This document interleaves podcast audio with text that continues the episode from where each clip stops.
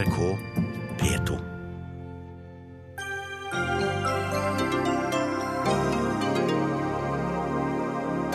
Hjelpeorganisasjoner investerer bistandsmilliarder i etisk betenkelige selskaper. Nå må de rydde opp, sier Fremskrittspartiets nestleder. Det er frykt for en tredje intifada i Midtøsten etter drapet på tre jødiske tenåringer. Israel skylder på Hamas, Hamas skylder på Israel. Vi får besøk av den israelske ambassadøren. Ekteskap som TV-underholdning? Nei takk, sier Espen Ottosen. Ja takk, sier Atle Sommerfelt.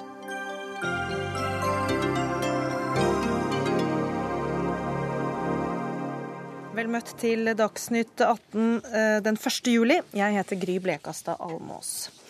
Norges Røde Kors, Norsk Folkehjelp, Kirkens Nødhjelp og Redd Barna har til sammen investert i aksjefond og andre verdipapirer for 2,7 milliarder kroner. Dette kommer fram i en kartlegging VG og E24 har gjort av økonomien til de seks største og mest profilerte hjelpeorganisasjonene her i Norge. Og Øystein Mjærum, du er kommunikasjonsdirektør i Røde Kors. Dere har to milliarder eh, plassert i fond og verdipapirer. Er det nødvendig å ha så mye penger i bakhånd for en hjelpeorganisasjon? Jeg skjønner godt at man stiller det spørsmålet. La meg aller først si at uh, dette er ikke innsamla midler fra våre givere. Dette er midler som Røde Kors uh, sparte etter uh, automatene fra 2007, som vi har valgt å investere på denne måten. Dette gir Røde Kors en helt unik mulighet til å respondere ved katastrofer. Vi har nå mulighet, sånn som vi så på Filippinene, hvor vi kunne sende to feltsykehus umiddelbart uten å måtte vente på det norske utenriksdepartement eller norske givere for å vite om vi hadde finansielle muskler til å hjelpe mennesker i nød. Det er kanskje den aller viktigste grunnen, men det er flere. Bare eh, i, i, fjor så brukte vi 1,2 milliarder på humanitære hjelpetiltak eh, som eh, humanitær organisasjon. Jeg tror ikke det er noen som stiller spørsmål ved at dere uh, bruker penger Nei. på hjelpearbeid, men Nei. det er mer uh, de pengene som blir stående på bok. Ja. Hvorfor står de der vi, og ikke Vi må jo kunne garantere for uh, at vi fortsatt hjelper de menneskene vi skal hjelpe, hvis inntektene våre skulle bli borte over natta. Så dette gir også oss mulighet til eh, å kunne garantere hjelp til de aller svakeste, selv om eh, f.eks. det politiske bildet i Norge skulle endre seg, sånn at vi ikke får den støtten vi får eh, i dag. Det er også viktig for oss å sikre oss en uavhengighet fra myndighetene. Derfor er det viktig for oss å ha eh, en viss kapital i bakhånd, sånn at vi ikke skal måtte tilpasse oss det til enhver tid norske politikere f.eks. mener er viktig. Vi vil ha en selvstendighet og frihet og uavhengighet til å gjøre det vi mener er viktig i hjelpearbeidet. Forstår du disse argumentene, Per Sandberg? Du er nestleder i regjeringspartiet Fremskrittspartiet. Ja, det er masse gode argumenter her. Men uh, allikevel så er det store betenkeligheter med at man uh, setter bistandsmidler, utviklingsmidler på fond eller på konto, eller spekulerer på børs eller i aksjer. Uh, de pengene som bevilges gjennom de offentlige budsjettene, det er jo midler som skal brukes i det året pengene blir bevilga. Og hvis noen av disse settes på bok, så når jo ikke pengene da dem som trenger eh, den bistanden. Så det er jo store betenkeligheter med. Og så syns jeg jo det er litt morsomt da, at eh, disse organisasjonene spekulerer i eh, hvorvidt det politiske flertallet er slik eller slik, og derfor må salte ned penger eller spekulere på børs. Det mener jeg var en elendig unnskyldning. Og jeg tror nok det er mange nå som stiller spørsmålstegn ved også innsamla penger eller automatpenger som står på konto, hvorvidt at disse faktisk når fram til den som har behov. Ja, akkurat i dette spørsmålet er jeg faktisk helt enig med Per Sandberg. Det hadde jo, hadde jo, eh, vært katastrofalt hvis det hadde vært sånn at vi hadde brukt penger vi har fått fra våre givere eller norske myndigheter og salta inn de på bok. Men han stilte også spørsmålstegn ved de som var kommet fra automatspillene, ja, som dere har på eh, investert. Vi, kun, vi, kunne selvfølgelig valgt eh, og brukt eh, to milliarder med en gang i 2007. Vi har heller valgt å investere dette, sånn at vi hvert eneste år eh, fra nå inn til evigheten kan bruke 90 90 millioner kroner hvert eneste år til humanitært arbeid. Det sikrer oss en langsiktighet eh, og trygghet. Eh, Sandberg, er det ikke forståelig at man også må ha en, en buffer for vanskeligere tider, Nei. for å si det sånn? Ja, men akkurat dere henger ikke helt på greit. fordi at Når det gjelder spilleinntektene, så har disse organisasjonene, eller hadde disse organisasjonene en avtale med norske myndigheter om at avkastninga fra disse spilleautomatene skulle gå til bistand og utviklingshjelp. Eh, og Hvis det er slik at disse pengene har gått til aksjer og gått på fond isteden, så har man ikke overholdt denne avtalen. Og så er det altså slik eh, at Pga. at man har salta ned noen av disse pengene nå, så er det altså mange der ute som ikke har fått den bistand, ikke fått den hjelpa til utvikling, slik at de vil være i nød i lengre tid det som hadde vært nødvendig. Ja, Det er vel ikke mangel på nød heller, akkurat? Nei, det er det absolutt ikke. Eh, for å ta Per Sandbergs parti, da, så foreslår jo de senest i september i fjor å kutte 7,4 milliarder i norsk bistand. Da har vi et ansvar for å opprettholde hjelpen til de aller fattigste og aller svakeste. Og vi har altså valgt å bruke noen av disse pengene fra automatene og investere, sånn at vi kan ta ut 90 millioner hvert eneste år nå på å hjelpe eh, verdens aller eh, fattigste. Okay. Og så er det sånn til Per Sandberg i forhold til eh, hvordan eh, inntektene fra automaten er brukt. Det har faktisk blitt undersøkt svært nøye eh, av regjeringen eh, i fjor, hvor det kom en rapport fra Oxford Research som eh, hadde gjennomgått svært nøye hvordan vi som organisasjoner hadde forvalta de pengene, om det var i henhold til Stortingets vedtak. Og det, Konklusjonen på det ble at alle pengene var forvalta i henhold til Stortingets intensjon. Men der, Da har vi fått en slags forklaring på eh, hvorfor eh, Røde Kors eh, ønsker å ha en del penger eh, stående eh, i eh, fond. men så er det jo sånn at flere av de investeringene som er gjort, er gjort i kontroversielle selskaper, som også da VG og E24 skriver om i dag. Coca-Cola, gruveselskapet Monsanto, Exxon Mobil er noen eksempel, eksempler. Arild Hermstad, leder i Framtiden i våre hender. Hva mener dere om dette? Vi syns det er trist eh, at man ikke har hatt en høyere bevissthet om hvor eh, pengene har vært investert. Eh, det må jo være sånn at når de humanitære organisasjonene investerer pengene sine, så må man sjekke om det stemmer med verdiene. Og når man eier aksjer, så må man gå god for den etikken. For det er jo sånn at hvis ikke eierne aksepterer selskapets måte å ture frem på, så må man si tydelig fra om at det ikke er akseptabelt. Sånn Hva er det eh, etisk betenkelig med de selskapene eh, som her kommer fram eh, at det er investert i? Altså, eh, Det varierer. Vi har, eh, altså, det mest grelle eksempelet er nok Kirkens Nødhjelp, som, som, var investert i et gruveselskap som, som heter Gold Corp, og som opererte i Guatemala, og hvor Kirkens Nødhjelp sammen med Framtiden vår Handel og en rekke andre organisasjoner hadde en kampanje for å få oljefondet ut av, ut av dette selskapet. Eh, og Da var det jo en tabbe av Kirkens Nødhjelp å, å faktisk eh, sitte på de aksjene sjøl. Men da skal vi høre med dem, for vi har dem her også. Harald Nyegen Sommer, du er assisterende utenlandssjef i Kirkens Nødhjelp. Hvordan får dere dette til å, å, henge sammen? Nei, jeg vil si at uh, det er både pinlig og beklagelig når vi eh, finner ut at vi sitter med aksjer i den type selskaper som vi selv har gått ut og kritisert for brudd på, på urfolks rettigheter. Men Hvorfor er det noe dere bare finner ut av? Er dere ikke bevisst hvor dere plasserer pengene deres? Vi har stolt for blindt på en del fonds såkalte etiske screening. Eh, og så ser vi nå at det er en rekke selskaper som har passert under radaren til disse screeningene. Så vi har eh, siden eh, tidlig i fjor høst hatt en runde på vår investeringspolitikk og Én ting er at vi nå endrer eh, fondsforvalter, eller kapitalforvalter. Men vi, eh, men vi, kommer også til å innføre en egen manuell screening av de selskapene vi har eh, investert i. Så det betyr at det blir ikke slutt på fondsinvesteringene, men det blir slutt på investeringer i selskaper dere ikke vil identifisere dere med? Ja. Og det, det, som hører med her Og Det kan du love?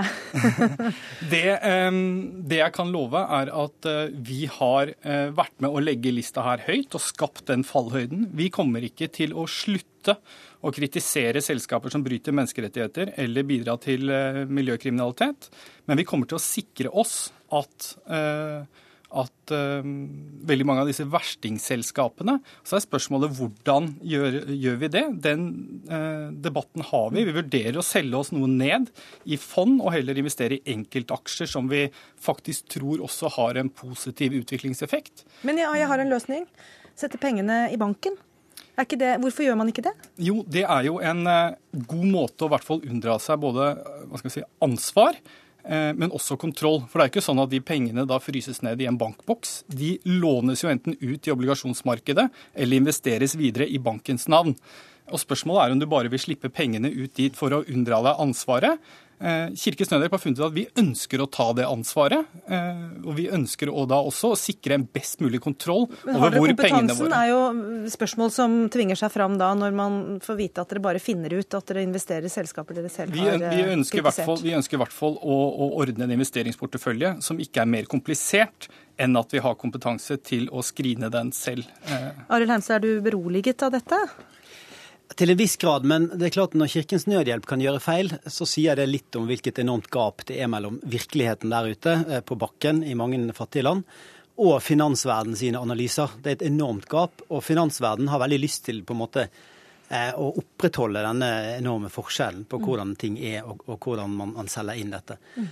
Og det er opplagt at eh, vi som, eh, alle vi tre som sitter her, har jo eh, gode verdier i bånn, eh, og vi må jo sørge for at de verdiene eh, at pengene våre jobber for de verdiene. Så når, når Kirkens Nødhjelp og Røde Kors driver med nødhjelp, så skal sparepengene dine eh, deres faktisk bidra til en bedre verden. Og da, eh, da skulle jeg ønske at sånne forvaltere, da, de profesjonelle forvalterne, eh, tok dette på alvor og kunne tilby både Røde Kors og Kirkens Nødhjelp ordentlige ordninger hvor pengene jobbet for de rette verdiene. Eh, Og det er litt, på en måte litt sånn fallitt at ikke de bare kan eh, lage den type fond som faktisk eh, sikrer at dette skjer. Da kan vi også få med mange flere enn enn bare vi som er på den rette siden. Ja, for Røde Kors har jo også gått i baret, hvis jeg kan bruke et sånt eh, begrep. I hvert fall så investerer dere i selskaper som Coca-Cola, Exxon Mobil, eh, Total, som knyttes til Vest-Sahara bl.a. Eh, kontroversielle selskaper. Hvordan forsvarer dere det? Jeg er helt enig med Hermstad Framtiden i våre hender. At eh, her har vi som organisasjoner en svært viktig rolle å spille. Eh, Og det er eh, nettopp derfor vi også har svært strenge egne etiske retningslinjer. Strengere enn det oljefondet har.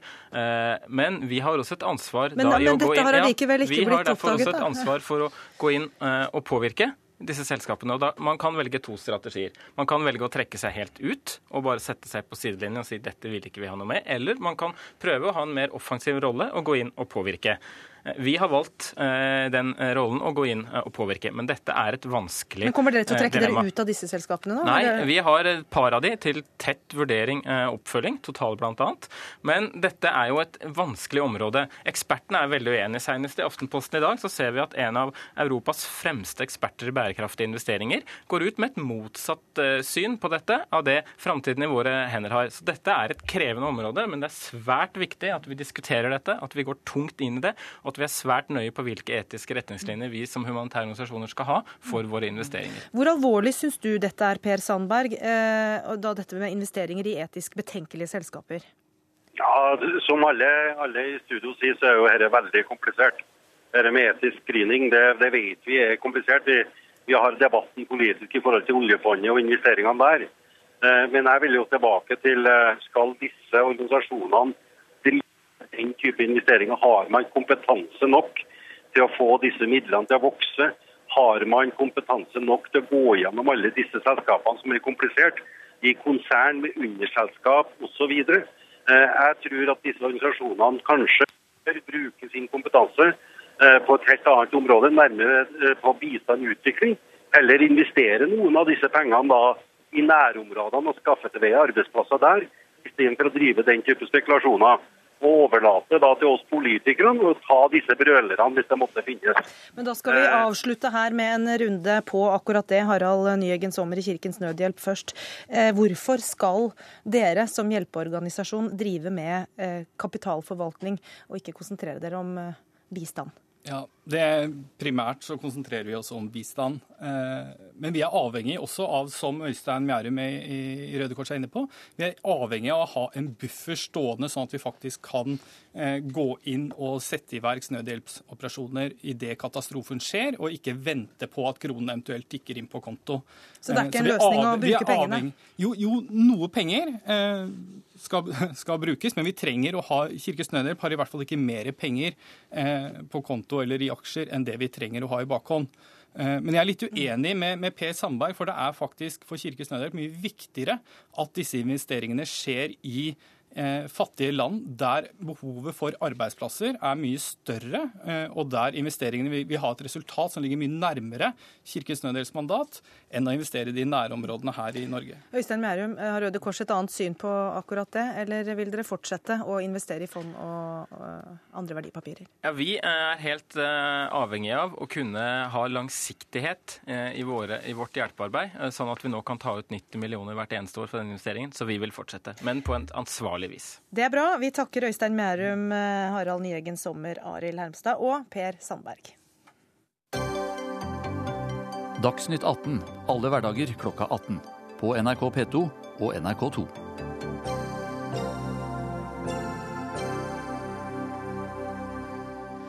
Så til situasjonen mange frykter kan ende i en ny intifada i Midtøsten. Omtrent eh, akkurat nå gravlegges de tre israelske tenåringene som ble funnet skutt og drept i går kveld. De tre guttene tilhørte en jødisk bosetting på Vestbredden og forsvant for nesten tre uker siden. Israel hevder at den palestinske militante organisasjonen Hamas står bak drapene. Hamas på sin side beskylder Israel for å stå bak. Aller først til deg, Mats Gilbert. Du er klinikkoverlege og professor ved Universitetssykehuset i Nord-Norge, men akkurat nå er du i Gaza, på Shifa-sykehuset. Hvordan er reaksjonene der på at disse tre guttene ble funnet drept i går? Nei, alminnelige mennesker overalt fordømmer jo drap på uskyldige sivile, det er helt klart. Og palestinerne er som folk flest, de syns ingenting om det. Det som er eh, situasjonen i Gaza, er jo at eh, de frykter uh, en voldsom gjengjeldelse fra de israelske militære styrkene, slik de har opplevd så mange ganger før. Og eh, jeg kan vel si at Gaza holder pusten i dag. Det har vært eh, ganske massive israelske bombeangrep i natt uten at noen ble drept. Eh, på sykehusene er det høy kriseberedskap, men som følge av sju år med blokade og beleiring, så er det jo mangel på nær sagt alt. Fra 17.6 har det ikke vært gjort eh, vanlige planlagte operasjoner i det hele tatt på Skifa-sykehuset, kun den aller nødvendigste øyeblikkelig hjelp. Jeg tror aldri jeg har sett helsevesenet i Gaza så nedslitt og så tappet for ressurser som nå. Og Så sier jo eh, Israel at det er den palestinske organisasjonen Hamas som står bak disse drapene. Hva sier folk du snakker med i Gaza? Nei, de sier vel det samme som mange andre, nemlig eh, det er ikke lagt frem noe bevis. Det er ikke lagt frem noen skyldige, det har ikke vært noen rettegang. Det har ikke vært noen, eh, noen prosess som er en rettsstat verdig. Dette er jo en påstand, eh, og selvfølgelig fordømmer både jeg og alle andre drapene på Naftali og Gilad og Eyal. men jeg fordømmer jo like mye drapene på de seks palestinerne som har blitt drept på Vestbredden i løpet av jakten på, på disse morderne. Eh, palestinerne i Gaza er jo opptatt av at det gjelder én lov for israelere og en helt annen lov for palestinere. Det drepes jo jevnt og trutt palestinere både i Gaza og på Vestbredden. Og jeg tør jo minne om at uh, under den forrige store angrepet på Gaza, støpt bly, så ble det altså drept 318 palestinske barn, ifølge den israelske menneskerettsorganisasjonen Betzelem. Og I 2012 ble 48 barn drept. Så palestinerne har også mistet nesten 400 barn som er drept av israelske regjeringsstyrker. Og Hvis man skulle følge denne eh, nesten eh, gammeltestamentlige retorikken til, eh, til, Netanyahu om at helvetes porter skal åpne seg for drapet på de tre israelerne, så har jo palestinerne god grunn til å gå løs dersom man skulle eh, ta hevn, gå løs på Israel. Men sånn må man ikke tenke. Det må finnes politiske løsninger. Og jeg er helt enig med utenriksminister Brende, som sier at nå må man ikke bruke dette til å trappe opp det militære konfliktnivået. Det tjener ingen på. Og befolkningen i Gaza blir som før uskyldige sivile ofre for den israelske krigsmaskinen. Og det er forferdelig å se på. Takk skal du ha, Mats Gilbert, eh, og velkommen til George Deek, som er fungerende israelsk ambassadør eh, til Norge. Welcome. Thank you very much. Uh, Mr. Gilbert was saying here that in Gaza, the Palestinians fear the revenge from Israel for this, uh, and they also feel that there is no proof uh, that Hamas is behind the killings. Uh, what do you know about who's behind the killings? We have provided already uh, the names of the two perpetrators of the attack, and they are both known leaders of Hamas in the city of Hebron. How do you know they were behind the killing of the three boys? Because we are under constant threat of Hamas, and therefore we have a very extensive intelligence in place. And, uh, And what exactly the are the Palestinian, proofs, The uh, Palestinian, the Palestinians themselves, by the way, the Palestinian security forces don't argue with us on this point about uh, Gilbert's uh, um, claims of revenge or so. First of all, we don't do revenge. We are an organized country that goes according to international law. In the last month alone, 80 rockets have been fired from Gaza towards Israeli civilians. Just four or five days ago, one of them, one of those rockets, was launched and uh, bombarded a uh, factory in Sderot, which has caused four f- people to be injured. Only by miracle, nobody got killed. And what about the airstrikes and the bombs in Gaza? Are they a revenge uh, for what happened uh, on the Absolutely. with the boys? Absolutely not. The uh, airstrike on Gaza was a preventive measure. Because of the missiles that were launched from Gaza to Israel, we have launched an attack on Hamas headquarters, on Hamas launching pads of rockets, doing our very best not to have any civilian casualties. And we have tried to eliminate Hamas's uh, capabilities of bombarding Israeli civilians uh, with rockets. No other country would accept that. And uh, it has nothing to do with the kidnapped kids uh, who were murdered. Han sier altså at det ikke er snakk om uh, hevnaksjoner. Uh, men I I have to ask you, the Israeli Deputy Defense Secretary is calling for a military operation to eradicate Hamas. How, how can you then say that these are not revenge actions that we see? Well, the cabinet in Israel, the government of Israel, has not decided yet on the final uh, line of action. But So eradicating, be, uh, eradicating Hamas is not revenge. Eradicating Hamas is a protection, something that uh, uh, that will prevent Hamas from attacking Israeli civilians. And the attack of Hamas, the kidnapping and the murder of kids, should come as no surprise to anyone who is familiar with the way Hamas has been working. Hamas has been designated as a terror organization by the EU, by the US, by Australia, by Japan, by many countries in the world. And it's an organization uh, in the family of terrorist organizations in the Middle East, such as Hezbollah, ISIS in, uh, in uh, Iraq. And we believe that uh, uh, it's our duty to protect our civilians by eliminating Hamas's capabilities to attack Israel, both in the West Bank and in Gaza.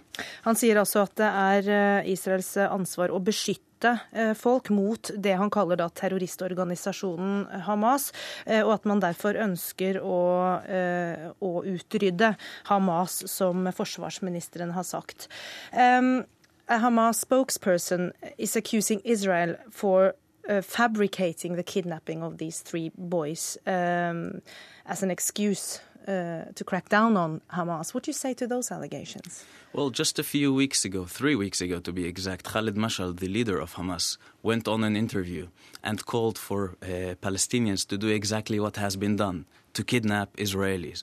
They have praised the kidnap, they have praised the fact that Israeli innocent teenagers have been murdered. So now they're trying to switch the international community's opinion or fire or focus towards Israel. It's a uh, lame yet expected move by Hamas. Uh, it's a terrorist organization that has been calling publicly. It's not something that I'm. Uh, it's not my opinion. They have been calling publicly for the murder and kidnapping and the harming of Israeli civilians, and they have been doing actions to back their words. But still, the three boys were found in an area that were, that is strongly controlled by Israelis, uh, and which has also been they've been looking for the boys. How how come they weren't found earlier? I think it's a proof that uh, terrorism can hit you everywhere at any time, no matter how many security measures you use. As long as there is incitement, as long as there is hatred, as long as the Uh, the leadership of Hamas and other leaders in the Palestinian Authority are calling for violence against Israel, this will be the result. We can't immune ourselves through security measures. The Palestinian leadership needs to take action to stop the incitement and circle of hatred. And I would like also to address this issue by saying that. Uh, there is a political context to what happened with Hamas. The uh, Palestinian Authority signed a uh, unity government pact with Hamas, uh, the Fatah with Hamas, about a month ago. And that is the way that Hamas has reasserted its position in the West Bank, allowing it to perpetrate actions as uh, the one of the kidnapping and the murder of the three Israeli we, we will teenagers. talk about that a little bit sooner. Um, uh, I just have to explain to the Norwegian audience. Uh, han avviser altså anklagene om at det er Israel som har fabrikkert uh, hele denne historien for å ha en unnskyldning, for å gå løs på Hamas. Just one last uh, question, uh, George Deek. What do you see as um, the next step for the relationship now between Israel and the Palestinians? Well, first of all, our f- main focus at the moment is to find the two perpetrators uh, and the, the people who helped them commit this uh, terrible atrocity and bring them to justice, arrest them, and bring them to court. Second would be to uh, diminish uh, Hamas's capabilities to hurt Israeli civilians. And third would be to re engage, hopefully, in a dialogue with the Palestinian Authority that will break the unity pact with Hamas, giving legitimacy to a terrorist organization hoping that uh, we would be able to speak uh, uh, in a peaceful manner. The Palestinian leadership has to choose today. Does it go in the path of embracing terrorism or does it go in the path of reconciliation of, and peace? Thank you very much, George Deek, som også er fungerende israelsk ambassadør til Norge. Han sa til slutt at veien videre nå er punkt én å finne de to de mener er skyldige, punkt to å gå løs på Hamas, og punkt tre å ha en dialog med eh, Fatah-myndighetene for å få dem til å bryte samarbeidet med Hamas. Bård Glad Pedersen, statssekretær i eh, Utenriksdepartementet. Eh, hva, sier du, hva, sier du, til denne eh, israelske versjonen av det som har skjedd? Ja, vi er bekymra for den opptrappinga av vold som vi har uh, sett det siste døgnet. Det kan utvikle seg i retning som fører til flere uh, tap av sivile liv. Og Det er derfor vi i dag både har fordømt drapet på uskyldige israelske tenåringer, som selvfølgelig har skapt frykt i den israelske befolkning, men også oppfordra partene til å nå vise uh, tilbakeholdenhet. For en fredelig løsning i Midtøsten er bare mulig gjennom politisk dialog og ikke gjennom bruk av makt. Nils Butensjøen, du er professor ved Senter for menneskerettigheter, Universitetet i Oslo. Hva står på spill for hvem i denne situasjonen? Stort spørsmål. Ja, det er et stort spørsmål. Og det er klart det er en veldig ustabil situasjon nå. Ehm, det har vært Over flere måneder så er det bygget opp en veldig dyp frustrasjon på palestinsk side. Mange har sagt at vi står foran en ny intifada. Og det som skjer nå, kan utløse, klart kan utløse en ny intifada. Fordi palestinerne kan ikke i tiår etter tiår utholde denne brutale okkupasjonen som Israel står for. Det er også så grunnleggende menneskerettighets- og massive menneskerettighetsbrudd, ikke minst i Hebron og i Hebron-regionen, at dette, er, dette, er, eh, dette, må verden forstå. Men er det så rart at Israel reagerer, hvis det Nei. da stemmer at det er Hamas som står bak drap på tre tenåringsgutter? Eh, dette, denne handlingen er en forferdelig handling som må tas innenfor en rettsstatsramme. Men altså å eh, Nå har Israel ja, de har drept i hvert fall seks palestinere i forsøket på å finne disse to som de mener er ansvarlig. De har arrestert 400-500 mennesker, de har rasert hus. Det er eh, kollektiv avstraffelse som er klart i strid med internasjonal humanitærrett. Men altså, dette er okkupasjonsmaktens typiske mønster. Og dette er en, ikke sant, er, Israel er en ekspanderende settler-kolonial eh, stat som vil erstatte den innfødte befolkningen med sin egen befolkning. Og nå, Det er det historiske rammen for det som skjer. Men nå hører vi eh, at ambassadøren her eh, ønsker å få en slutt på det eh, samarbeidet som er på palestinsk side mellom Fatah og Hamas, som da har en militant bakgrunn, mm. og som blir kalt terrororganisasjon av veldig mange. Hvordan er mulighetene for at det skjer? Jo, det, muligheten for det er eh, ikke så dårlig, holdt jeg på å si, fordi Israel har vært i stand med amerikansk hjelp til å splitte Fatah og Hamas og holde de fra hverandre. Eh, til den grad at det har nesten vært borgerkrig mellom de to bevegelsene, som er to hovedelementer i palestinsk politisk tradisjon. Hamas vant det relativt frie valget som var i 2006.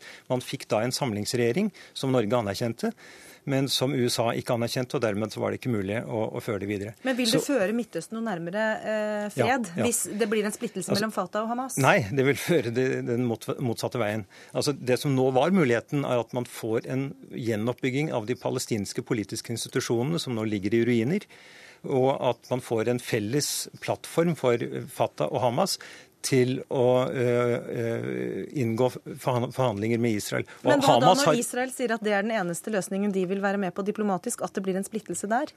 De må, de må justere seg. Altså, og amerikanerne Det er Israel som må Israel justere seg, ikke, ikke palestinerne.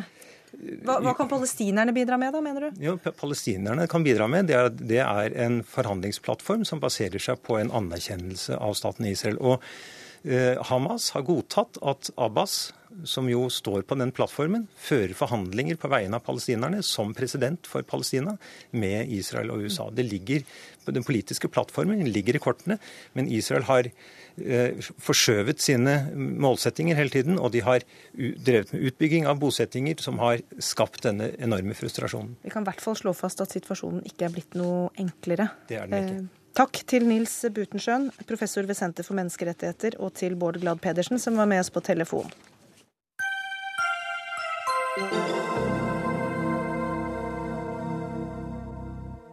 Nå skal vi diskutere ekteskap som TV-underholdning. Men jeg nevner kjapt også at vi eh, får debatten om å forby nikab etter at Menneskerettighetsdomstolen slår fast at et slikt forbud ikke strider mot menneskerettighetene. Og vi skal også diskutere økonomisk støtte til eh, unge gravide for å få aborttallene ned. Men først, altså. Til kjærlighet ved første blikk, eller eh, rettere sagt ekteskap ved første blikk. For til høsten starter TV Norge en ny programserie som får navnet Gift ved første blikk, hvor unge mennesker gir hverandre sitt ja ved det aller første møtet. Konseptet er hentet fra Danmark, og Espen Skoland, du er kommunikasjonsdirektør i eh, TV Norge. Hvorfor vil dere lage en norsk versjon av det programmet? Vi syns jo det er spennende underholdningskonsept. Og det utfordrer tanken om at uh, den beste veien til et eh, suksessfullt ekteskap er gjennom hodesuppsforelskelse. Eh, og det er jo ganske relevant, problemstilling. Altså 45% av de som gifter seg i Norge i dag, skiller seg. Og de fleste er i et parforhold, har vært i et parforhold eller ønsker å være i et parforhold. Så dette treffer jo veldig mange. Så vi tror jo både at dette kan bli en god underholdning, vi lever, lever jo av å lage underholdning, men vi tror også at det kan bli relevant å ta en samfunnsutfordring og sette den litt på spissen. Hvordan, hvordan, er det dette skal foregå? Hvordan finner dere de menneskene, og hvordan setter dere dem sammen uh, før de gifter seg? Ja, Vi har hatt en søknadsprosess. altså Vi har gått ut med dette på, på TV, der vi har søkt uh, folk som skal være med i et datingprogram. Og Da får vi jo en del søkere. Så jeg tror vi fikk 600 søkere. Uh, og underveis i den prosessen så går vi ut med at her, de som vil være med på dette, de gifter seg ved første blikk. Eh, og da tar jo noen valget vil du være med videre eller vil du ikke være med videre. Og da står vi igjen med en, en pulje med menn og kvinner og de matches ut ifra ei gruppe eksperter. Så dere prøver å finne folk som passer sammen? Som passer ikke, ikke folk som ikke passer sammen? Folk som passer sammen. Ja. Så, altså, det skal jo være en forutsetning for at man skal kunne leve i lag. Så det er en matching som skjer på et slags likhetsprinsipp. Mm. Og da er det altså fire eksperter. Det er en eh, prest, eh, det er to psykologer og en sosialantropolog som eh, parer ut ifra den pulja med, med, med, menn og kvinner. Så ender du opp med, med tre par. Dette har du reagert på, Espen Ottosen. Du er informasjonsleder i Norsk Luthers Misjonssamband, og også styreleder i den kristne tankesmien Skaperkraft. Hvorfor eh, liker du ikke tanken på dette programmet? For å si det enkelt, så tenker jeg jo at ingen oppegående mennesker velger å gifte seg med et menneske de ikke har møtt. 600 eh, personer har søkt om å få være med i programmet? Ja, folk gjør det utroligste for å komme på TV. og Sånn sett så lurte jeg jo litt på om jeg skulle le eller gråte av dette, men jeg valgte å være litt seriøs og gråte litt. Og jeg syns han egentlig setter ordet på problemet, fordi som nevnes her, 45% eller noe rundt omkring der av alle ekteskap går i stykker. Nå kjører altså TV Norge et eh, konsept som antagelig statistisk ville ført til at 99,3 eller noe sånt av disse ekteskapene som inngås, går i stykker. Fordi fornuftige mennesker gifter seg ikke med andre mennesker uten at de har vært det minste kjent. Eh, dette er jo på en måte grovere arrangert ekteskap enn det man normalt fordømmer på det sterkeste i landet vårt. Så dette er et underholdningskonsept hvor man leker med menneskers ekteskap. Man eh, sørger for at mennesker kommer til å bli skilt.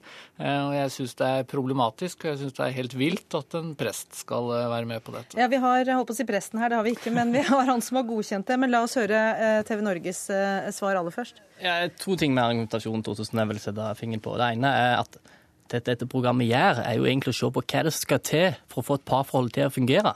Og det tror jeg egentlig Ottesen òg er interessert i at det blir satt eh, lys på. Jo, men altså I Danmark så ble jo alle skilt, så det fungerer jo tydeligvis ikke det dere har tenkt å gjøre heller. Og, og det er helt sant, det gjorde de i Danmark. Men det setter jo lys på en viktig, eh, viktig utfordring. Altså Hva som skal til for å lykkes i et parforhold, og så klarte de ikke det i Danmark. Men det, det, bare før du får ordet igjen. Altså Disse, disse parene er jo satt i sammen for det, for for vi tror at de vil lykkes. Og så det er viktig å skille her mellom tvangsekteskap og dette, som er et helt frivillig arrangert ekteskap. Eh, så disse personene som er med, er med fordi de vil det. Og jeg syns Ottesen egentlig har utrolig liten tiltro til oppegående voksne folk når han, når han, stiller det spørsmålet Altså, folk klarer å ta et valg sjøl. Ja, et par kommentarer. For det første så tror jeg faktisk at TV Norge ville fått folk til å melde seg på hvis man hadde hatt lær å fly. Du får to timers teorikurs, og så ser vi hvem klarer å fly et fly etterpå. Og går det noen fly nedenom hjem, så kan TV Norge si at ja, men det var jo frivillig. Det var hundrevis som hadde lyst til dette, og vi plukka ut de som antagelig ville klare å holde dette flyet eh, i lufta. Men, men, når det er sagt, så tenker jeg at det er sikkert en god intensjon bak. Jeg, jeg håper inderlig det. Og jeg tror det kan til og med være interessante ting som kommer fram i programmet. Men La oss ta det andre poenget ditt, nemlig at det er en prest eh, med i programmet. Atle Sommerfelt, du er biskop i Borg bispedømme, og du har da gitt klarsignal til at denne presten er med i programmet. Eh, hvorfor syns du det er OK? Det viktigste, Først må jeg bare si at vår, vår, vår, min beslutning og prostens beslutning har jo vært ikke å si nei. Det er det viktigste, det er det viktigste punktet. Men, og grunnen til det er jo at presten utfører ikke vigselen. Det ville ikke vært mulig. Da ville vi sagt nei. Hvis konseptet hadde vært at menneskene hadde stått for alteret, lovet ekteskap og, og, bedt om Guds velsignelse for Guds åsyn for samlivet sitt, det hadde vi ikke akseptert. Det er snakk om borgerlig ekteskap her, men er ikke ja. det like viktig? Jo, det er viktig nok, men det viktigste prestens rolle her er jo å gjøre det som kirken kirken skal gjøre med mennesker som forsøker å finne orden på livet sitt, nemlig være ledsage dem i å rådgi dem i de valgene de måtte ta, og de utfordringene de møter. Og Men også i et underholdningskonsept på TV? Ja, er det pressens rolle? Ja, det kan godt være pressens rolle. Egil Svartdal blir jo kjempekritisert fordi han uh, i sin tid uh, åpnet for sjelesorg på TV 2. Uh, eh, TV-kanalene kaller dette underholdning. Men det er jo fordi TV-programmene TV er underholdningskanaler, som de definerer seg. Vi kan jo ikke si at Kirken ikke skal delta i underholdningsprogrammer. Det ville være helt vanvittig. Og her er jo poenget at, uh, at Kirken er bedt om å synliggjøre at vi rådgir, er samtalepartnere, gir veiledning til mennesker som forsøker å finne ut uh, av livene sine. Ja, og, og, det jeg reagerer på med Ottesens ja, uh, polemikk her, er jo at det er jo Han skriver seg inn i, etter min oppfatning, noe av det mest vanskelige med Kirkens møte med mennesker. For det første så hører vi jo nå at han karakteriserer disse menneskene som har meldt seg på, avskriver at de overhodet representerer et genuint ønske om faktisk å finne en partner. Og punkt to. Eh, man går altså høyt ut med sterke moraliserende fordømmelser uten å ha sett programmet. Og Det er en tradisjon i Kirken som jeg syns og håper at vi blir kvitt snart. Jeg vet jo ganske godt hva dette programmet innebærer. Så mye er jo blitt presentert, så jeg føler det er veldig god grunn for å si at det, er, at det en prest bør gjøre i denne situasjonen, det er å si til et menneske at du gifter deg ikke med noen du overhodet ikke kjenner. Men hvis det er det de vil da selv?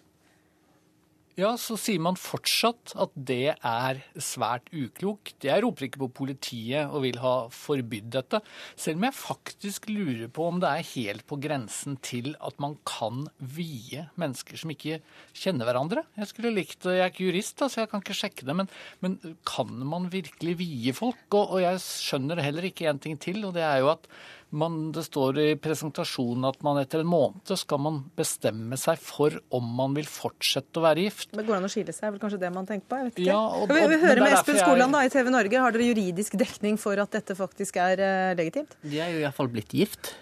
Så jeg går ut ifra at det har vi juridisk dekning for. Ja. Sorenskriver som har slurva litt tror jeg, på jobb her. Nei, det, er jo, det, er jo, det, er jo, slik at, det, at altså Det forutsetter jo jeg selvfølgelig også, selv om det ikke er altså Som sagt, verken presten eller kirken går inn i spørsmålet om selve ekteskapsinngåelsen. Det vi gjør, er å være veiledere og samtalepartnere for de menneskene det dreier seg om. Vi får eh, gå mer inn i dette når eh, programmet går på lufta, tror jeg. Takk skal dere ha, Espen eh, Skoland fra TV Norge, Atle Sommerfelt, biskop, og Espen Ottosen Johansen i eh, Misjonssambandet.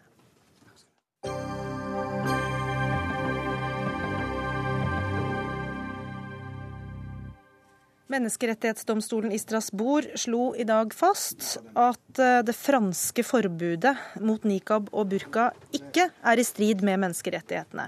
Dermed kan altså Frankrike opprettholde eh, det forbudet de har på offentlige steder mot å gå med burka og nikab, som i motsetning til hijab altså er plagg som dekker så å si hele ansiktet. Njål Høstmeldingen, direktør ved International Law and Policy Institute. Hvordan begrunnes det at det å forby et klesplagg eh, ikke bryter med menneskerettighetene? Eh, det er en ganske lang argumentasjon bak det, og ganske filosofisk. Og det er en lang rekke med dommer som ligger før den dommen her. Men helt kort så sier man at eh, greit nok, det er en del av din religionsfrihet å selv bestemme hva slags plagg du har på deg. Men myndighetene skal få lov å kunne gjøre inngrep i det dersom de mener at viktige hensyn taler for det. Ja, hvilke hensyn er det her som gjør at dette ikke er eh, brudd på den frie religionsutøvelsen? Nei, Det er der filosofien kommer litt langt inn, men uh, hovedtanken bak dommen og den franske argumentasjonen er at du som individ deltar i samfunnet. Du er, et, du er, en del av et større fellesskap, og dermed må du kunne kommunisere og være delaktig i det samfunnet som du har rundt deg. Og ved å isolere deg både fysisk, men også da mener de mentalt, bak et uh, heldekkende eller dekkende slør, så du ikke, får du ikke til å oppfylle den samfunnsplikten du da egentlig har. Og Hvilken betydning får det at da Frankrike har fått medhold her uh, for andre land som eventuelt ønsker å innføre tilsvarende forbud? Der kommer det litt inn at du må kjøre den samme argumentasjonen og være i den samme situasjonen for å kunne bruke det samme resultatet. Sånn at hvis du argumenterer litt annerledes og sier at dette ikke passer med vår kristne kultur f.eks., eller vi ønsker å fremme barns rettigheter og derfor forbyr vi bruk av nikab og burka, så er det ikke sikkert at du får medhold. Det har med samfunnsdeltakelsen uh, til enkeltpersonen å gjøre? Det har det. Så du må følge den samme linja. Og det var flere argumenter som Frankrike hadde, bl.a. sikkerhetsmessige grunner, som ikke førte fram. Da sier domstolen at da må vi ha en konkret vurdering på det. Mm. Så de som ønsker å forby det, de må lese dommen, og så burde de bruke den samme oppskriften og prøve å være i den samme situasjonen som man da er i Frankrike, for å kunne få regulert det på samme måte. Leila Hasik, du bruker nikab selv. Eh, forstår du den argumentasjonen eh, vi her får referert fra Menneskerettighetsdomstolen? Uh, ikke helt, nei. Det gjør jeg ikke. Man, uh, man går jo med argumentet at det er uh, for det beste for det store fellesskapet. Men samtidig så går man og forbyr disse kvinner, som er Jeg er jo selvfølgelig en av dem, om å være blant, uh, blant det store fellesskapet. Å være sosial og være ute i den store verden. Har, jeg selv har opplevd hvor jeg har blitt nektet av å delta altså, i undervisning i nikab. Jeg kjenner uh, jenter, altså venninner, gode venninner, som blir nekta av å gå på universitetet pga. nikab. Så hvordan kan man da argumentere at man gjør det her for det store fellesskapet og for å gjøre noe godt for oss, da, for at vi skal uh, være sammen med andre, integrere oss. Når man, når man setter foten ned og sier du hva, du, du, har ikke lov å komme inn hit. Mm. Vi blir jo faktisk nektet av å delta i samfunnet slik vi ser ut. Og Det er ikke det at vi vi selv nekter og ikke gidder å være blant det store fellesskapet. Men dere velger det jo selv, da? Ja, jeg velger jo selv å gå med nikab, og jeg har lyst til å utdanne meg. Der, uh, jeg er ikke alene om det, men når vi blir nektet det, hvem, uh, hvordan kan man argumentere da at uh, denne, den nye loven som, som har kommet, som gjelder for så vidt påløpet kun Frankrike. Hvordan kan man da argumentere at det er for vårt beste, når det er vi som blir nektet å delta i samfunnet? Hva tror du kan bli konsekvensen av eh, et sånt forbud, da? Eh, jeg ble jo kontakta av dere for eh, ca. to timer siden og har snakket med andre jenter. Slik vi, slik vi, jeg og veldig mange andre anser det, så blir det til at man at Eh, et slikt forbud, f.eks. i Norge, eh, skulle bety eh, at vi kvinner blir absolutt og helt berøvet for friheten. Og at vi hadde at konsekvensen ikke hadde blitt frigjørelse, eller hva man en prøver å begrunne det med. Men konsekvensen hadde blitt at man blir mer eller mindre fengslet. Hvorfor det? nei, for det er veldig mange av oss som mener det her er da eh, en eh, trosfrihet for, eh, oss. da. At man, man griper inn i eh, trosfriheten og inn i livet til oss eh, enkelte individer. Men når du sier fengslet, hva, eh, hva, hva tenker du på da? Eh, nei, da tenker jeg på at uh, veldig mange av oss nekter å gå ut uten, uh, uten nikab. og da, Hva slags annet valg har man enn å sitte hjemme? Det, et, uh, det blir til et fengsel, fengsel hjemme. Mazyar Keshvari, du er innvandringspolitisk talsperson for Fremskrittspartiet. Hva syns du om denne dommen som er kommet i dag? Nei, Vi mener at det er en eh, riktig og viktig dom, for et av hovedstråargumentene mot å innføre eh, et forbud mot nikab, burka og heldekkende plagg, var jo at dette var i klart strid med menneskerettighetene. I dag så er det jo slått fast at eh, det så ikke er tilfellet. Men jeg tror det er viktig å se på årsaken til hvorfor eh, vi foreslo i sin tid, senest 2010, å forby det. Begrunnelsen for bruk av nikab er, hører ikke hjemme i et sivilisert, demokratisk samfunn som det Norge. Hovedbegrunnelsen er jo for å tildekke kvinner, for å ikke vekke mannlig begjær.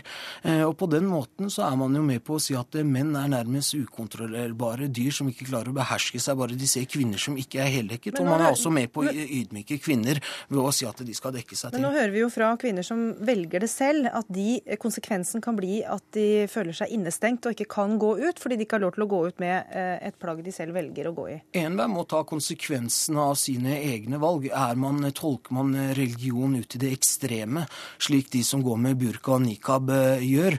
Men du eh, kaller dem ekstreme, de som går med sånne klær? Det er ikke noe tvil om det. Det er bare å se selv i eh, islamske land og muslimske land eh, så forekommer det veldig sjeldent. Altså Iran, som har hijab-forbud, eh, så er det veldig sjeldent at folk bruker nikab og, og burka. Så det er jo en ekstrem eh, tolkning av det, og det hører ikke hjemme i det norske samfunn. Vi har med oss Marielle, eh, Marielle Leran også, nestleder i Rødt. Hva tenker du om dette? Nei, Jeg synes det er interessant å høre Frp som er opptatt av, men som sier ellers at de er opptatt av frihet. Og den individuelle friheten. Og her er det altså en begrensning for en særlig sårbar gruppe i det norske samfunnet. Og Vi kan gjerne diskutere i hvor stor grad det er frihet eller tvang. Eh, og Det gjelder for så vidt også kvinner i Norge, hvor sågar det er frihet og tvang. Eh, om jeg legger inn silikon i puppene mine, eller om jeg går i høye hæler. Altså den det frihetsbegrepet syns jeg også for så vidt kunne vært interessant å diskutere. Jo, men Nå diskuterer vi at Ja. Menneskerettighetsdomstolen slår fast at det ikke er brudd på menneskerettighetene å forby eh, disse plaggene. Ja, eh, og det, det er helt klart at, eh, en, si at når det gjelder den dommen, så mener jeg at eh, det helt klart er ikke alle ting som man bør åpne for å forby, selv om det er mulig. Og jeg skjønner heller ikke høyresidas utrolige iver etter å skulle forby ting, når de nå de nå er veldig opptatt av å liberalisere på alle mulige andre områder i samfunnet. Men Hvorfor vil du her- forsvare jentenes, kvinnenes rett til å gå med nikab? Nei, jeg vil ikke Det det er ikke det, det dette dreier seg om, først og fremst forsvare. Det, er jo selvfølgelig sånn at Nå er den kulturelle praksisen sånn noen steder at det er noen som går med burka. Eh, og det er en kulturell praksis også. Eh, og det å kunne, det skulle forby en hel eh, en kulturell praksis Når han kaller det ja, det, er, det, er, kan bli sett på som ekstremt. Men det er også ekstreme utslag av en vestlig kultur som er, kan være kvinnefornedrende, kvinnekrenkende. Og det syns jeg òg vi kan ta inn i bildet. Jeg syns det blir en veldig smal debatt. Og det ligger under dette, når Frp tar det opp, at eh, her ligger det også veldig å nøre opp om en del fordommer når det gjelder muslimer i det norske samfunn, som jeg syns er veldig betenkelige. Det er ikke riktig. Som sagt så er det veldig få steder, eh, selv muslimske land, der dette praktiseres. Men jeg lar meg aldri overraske over den ytterste venstre fløys kulturrelativisme. Altså partier eh, som i sin tid var feminister og tok oppgjør med kirke og alle religioner som, eh, som eh, undertrykte kvinner. Her har vi altså noen som, og det er langt fra så frivillig som vi alltid får inntrykk av, blir pådykta masker sånn at man ikke ser ansiktet. De dekka fra topp til tå. For å ikke vekke mannlig begjær, eh, istedenfor å da ta et oppgjør med det. Hun sier det er kulturelt betinget. Jeg vil si det er en ukultur, jeg. Å holde på sånn. Det er, eh, det er holdninger som ikke hører hjemme i et sivilisert samfunn som eh, vår. Istedenfor å ta opp kampen mot denne ukulturen, eh, istedenfor å ta opp kampen mot eh, radikal islamisme, som er en av de største utfordringene i, verden i dag, så har de en kulturrelativistisk holdning. Vi er helt enige eller radikal islamisme, det er ikke det det er snakk om. Her snakker vi om kvinners rettigheter til å delta også i samfunnet. Det er hun som her ble intervjua Bare hun tar av seg nikaben og, og, ja, deltar på lik linje hvis det med er alle sånn andre at jeg, Hvis jeg sjøl hadde fått beskjed om at Nå går ikke jeg med høye hæler i dag, men at for å kunne delta i det norske samfunnet, så måtte jeg nødt til Det ble en lov mot høye hæler. for å at det Nei, det er ikke det. Det er mer skadelig- Ja, men det er med faktisk- plagg, sånn at Det er faktisk skadelig for kvinnegruppen å gå rundt med høye hæler. Det er ganske mange konsekvenser av det. Eller å få silikon inn i, inn i brystene sine. Det er faktisk mye mer skadelig for kroppen enn eller gå i en burka. Ikke for å sette de opp mot hverandre. Begge deler er er, sånn som jeg ser det, som feminist, eh, kvinnefornedrende. Men det å gå på å kalle, og det å ovenfra ned, det at vi skal sitte her og kalle den enkelte kvinne som bruker høye hæler, eller den enkelte som bruker nikab, eh, og forsøke å hindre henne å delta i, eh, i samfunnet, det mener jeg er en feil vei å gå. Og med å begynne å forby det ene eller det andre. Eh, Det er ikke en liberal holdning, i hvert fall. Da registrerer vi i hvert fall at den dommen som har falt i Menneskerettighetsdomstolen, ikke eh, fører til noe mer enighet om man skal forby eh, nikab i Norge eller ikke. Takk eh, til Leila Hasir, takk til eh, Marielle Lerån og Mazar Keshvari, og til Njål Høstmeldingen, som også har skrevet en kronikk om, eh, om denne dommen, som dere finner å lese på NRK Ytring. Hør Dagsnytt 18 når du vil. Radio NRK.no. Unge mødre må få betydelig mer i økonomisk støtte fra staten. Det mener flere leger og forskere skal få ned antallet aborter blant yngre kvinner. I dag er engangsstøtten på i underkant av 40 000 kroner, og for mange unge mødre er det det eneste de får hvis de da ennå ikke har kommet seg ut i jobb. Og dette er grunnleggende urimelig, eh, sier du, Anne Eskil. Du er medisinprofessor som har forsket på graviditets- og abortmønstre i Norge. Hvorfor er det det?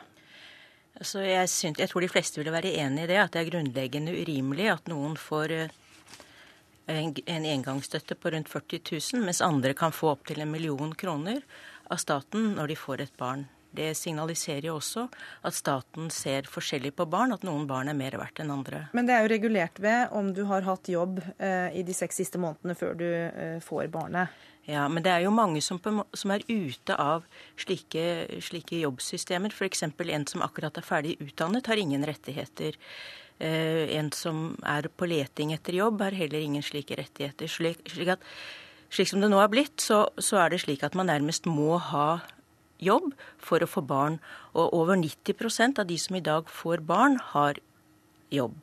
Og det, det resulterer jo at kvinner venter med å få barn til de er i lønnsarbeid og har slike rettigheter. Men hvorfor øh, vil mer penger øh, føre til færre aborter? Altså, det kan vi jo ikke med sikkerhet si. Eh, Men det vi ser er at blant de som tar abort, så har rundt halvparten lønnsarbeid, mens de som føder barn, så har over 90% lønnsarbeid. Så det er en stor forskjell i andelen som har lønnsarbeid blant de som får barn og de som tar abort. Hva sier de som tar abort om si, økonomi som eh, begrunnelse, da? Altså, det er ikke jeg den rette til å svare på. Det kan jeg ikke vi, vi vet jo veldig lite om hvilke faktorer som regulerer reproduksjon, men man kan jo iallfall si at det er grunnleggende urettferdig at noen får nesten ingenting når de føder barn, mens andre får masse penger av staten når de føder barn. Og så er det jo da sånn at engangsstønaden ligger på 38 750 kroner eh, i dag. Hvor bør den ligge for at systemet eh, skal bli eh, mer rettferdig? Ja, det, det er vanskelig å si. Jeg, jeg syns i utgangspunktet at denne foreldrepengeordningen bør tas opp til ny revisjon. Eh, For det er jo nå et sammensurium av eh, et lappverk som nesten ingen finner ut av. Og det enkleste ville vel være å gi det samme beløpet til, eh, til alle slik det nå er. Så ser det ut som veldig mange venter med å få barn til de har disse rettighetene. Mange faller utenfor det systemet, og de som da blir gravid, mange som blir gravid og ikke har disse rettighetene, velger å ta abort. Eh, Det foreslås eh, altså en radikal økning, og i Vårt Land i dag så foreslås det så mye som en tidobling av eh, engangsstøtten. Arild Stokkan Grande, stortingsrepresentant for Arbeiderpartiet i familie- og kulturkomiteen. Hva syns du om det? Nei, først må vi se på hvordan systemet fungerer i dag. og Vi har et regelverk som har bidratt til at Norge har eh, blant Europas høyeste fødselstall. Vi har samtidig blant eh, Europas høyeste andel kvinner i arbeid. Så vi, har, eh, vi, snakker om en modell som har vært en enestående stor suksess, som mange delegasjoner fra andre land reiser til Norge for å studere hvordan de kan lære eh, av våre eh, løsninger. Og Samtidig tar halvparten av de som blir gravide mellom 20 og 24 år, abort. Ja, og det, Vi må hele tida diskutere hvordan vi skal få ned aborttallene. Eh, men det å påstå at det er urettferdig at dem som har jobba, opparbeider opparbeidet seg rettigheter, får en del mer enn dem som eh, ikke har vært i jobb, det er jeg uenig i. For jeg mener at vi må ha ordninger som stimulerer til at det skal være lønnsomt å jobbe. Men La oss diskutere hvordan man får aborttallene ned. Da. Går det an å tenke seg økonomiske løsninger på det? Jeg tror det blir å forenkle problemstillingen veldig. For eh, mange av dem som uh, gjennomgår abort, så er det den største krisen i hele livet. Og jeg tror ikke penger alene er det som løser det. Jeg tror vi for det første må drive bedre forebygging gjennom bedre prevensjon, gjennom bedre seksualundervisning i skolen. Så tror jeg vi må ha langt bedre oppfølging av dem som sier at dette blir veldig vanskelig for meg, f.eks. gjennom helsesøstertjeneste, helsetjenesten for øvrig, og gi gode råd til dem som syns at dette blir tøft. Og så må vi ha gode ordninger for å kombinere arbeid og omsorg, og det har vi i Norge i dag, eh, som gjør at du ikke må slutte å studere eller slutte i jobben fordi du blir gravid. At det skal være mulig å fortsette med det. For går du utafor studier da, eh, som jeg er redd for vil bli løsningen av en sånn eh, økning av engangsstøtten, eller går ut av jobb, så kan det gå mange år før du kommer tilbake. Og det vil igjen være svært krevende for økonomien din. sånn at jeg tror vi må gjøre en kombinasjon av disse tingene, men holde fast ved det at det skal lønne seg å være i arbeid. og at vi må legge til rette for at eh, mødre skal ha muligheten til å både eh, føde barn, eh, men også være ute i arbeid. Forenkling, sier altså du, Are Stokkan Grande. Arve Kambe, leder i arbeids- og sosialkomiteen og da representant fra Høyre. Hva sier du? Nei, Jeg tror jeg er både enig med Arald Stokkan Grande om at arbeidslinja som vi har i Norge, den er verd å forsvare. For det all statistikk viser, det er at går folk utenfor arbeidslivet og står der utenfor mange år, eh, så blir det verre å komme seg inn og få en jobb igjen. Men så, samtidig har dere også sagt at dere vil øke denne engangsstønaden. Ja, mm. så Høyre og Frp har sagt i Sundvolden-erklæringen, og vi har allerede i budsjettet for 2014 økt engangsstønaden med 10 eh, fordi at det har noe for seg. For det er helt åpenbart at når vi ser på gjennomsnittsalderen for norske førstegangsfødende kvinner, så er den nå over 28,5 år. For menn eh, som deltar på dette, så er det 31, litt over 30 31 år. Og det er klart at For, den, for Norge som helhet, som nasjon, eh, så bør, selv om vi har en relativt høy internasjonal fødselsrate i dag, så den faktisk for lav. Han er rundt som 1,78 i dag per kvinne. Eh, og den er for lav i forhold til hvordan vi skal reprodusere oss sjøl, for å bruke et sånt uttrykk. Men Tror du da det dere gjør nå vil forhindre at eh, særlig da de unge jentene tar abort? Nei, ja, jeg tror nok at det kan bidra noe. Men det er klart at 3500 på ett fra ett år til annet, det er ikke det store. Eh, det kommer ikke til å få få noen store utslag. Men vi har starta en opptrapping sammen med Kristelig Folkeparti og Venstre for å gjøre dette. Jeg tror derimot ikke dette er noen hokus pokus-løsning. Eh, vi skal fortsatt ha arbeidslinja, at eh, foreldrepenger skal være knyttet opp til tidligere arbeidsinntekt. Så det vil Men, ikke bli noen løsning hvor alle får like mye, som eh, forsker Anne Eskil her foreslår? Nei, det er jo helt urealistisk. For det er klart at dette skal jo være kompensere for den tapte arbeidsinntekten du har. Er du 20, 30 eller 40, så har du inntekt, og du har et lån, og du har et forbruk. Men hvis du har vært student, så har du ikke hatt sjansen til å få noe inntekt da, før du blir gravid? Nei, det er korrekt. Men er du student og, og, og får barn, så får du i tillegg til engangsstønaden. Da får du altså både lån og stipend omgjort til et stipend, og du får i tillegg altså et fødselsstipend fra, fra Lånekassen og et, og et barnestipend.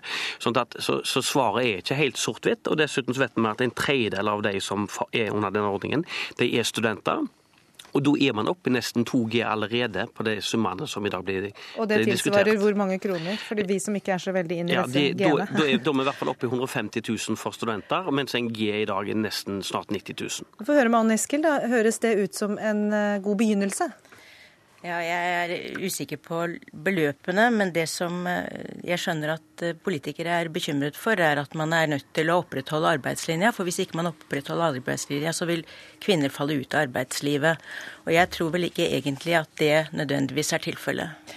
Tusen takk skal Anne Eskil, Arve Kambe og Arild Stokkan Grande ha for at de var med i Dagsnytt 18 denne tirsdagen, er det vel blitt. Nå er Dagsnytt 18 slutt. Ansvarlig for sendingen var Bjørn Atle Gildestad. Teknisk ansvarlig Lisbeth Sellereite. Og her i studio takker Gry Blekastad Almås for følget nok en sommerkveld.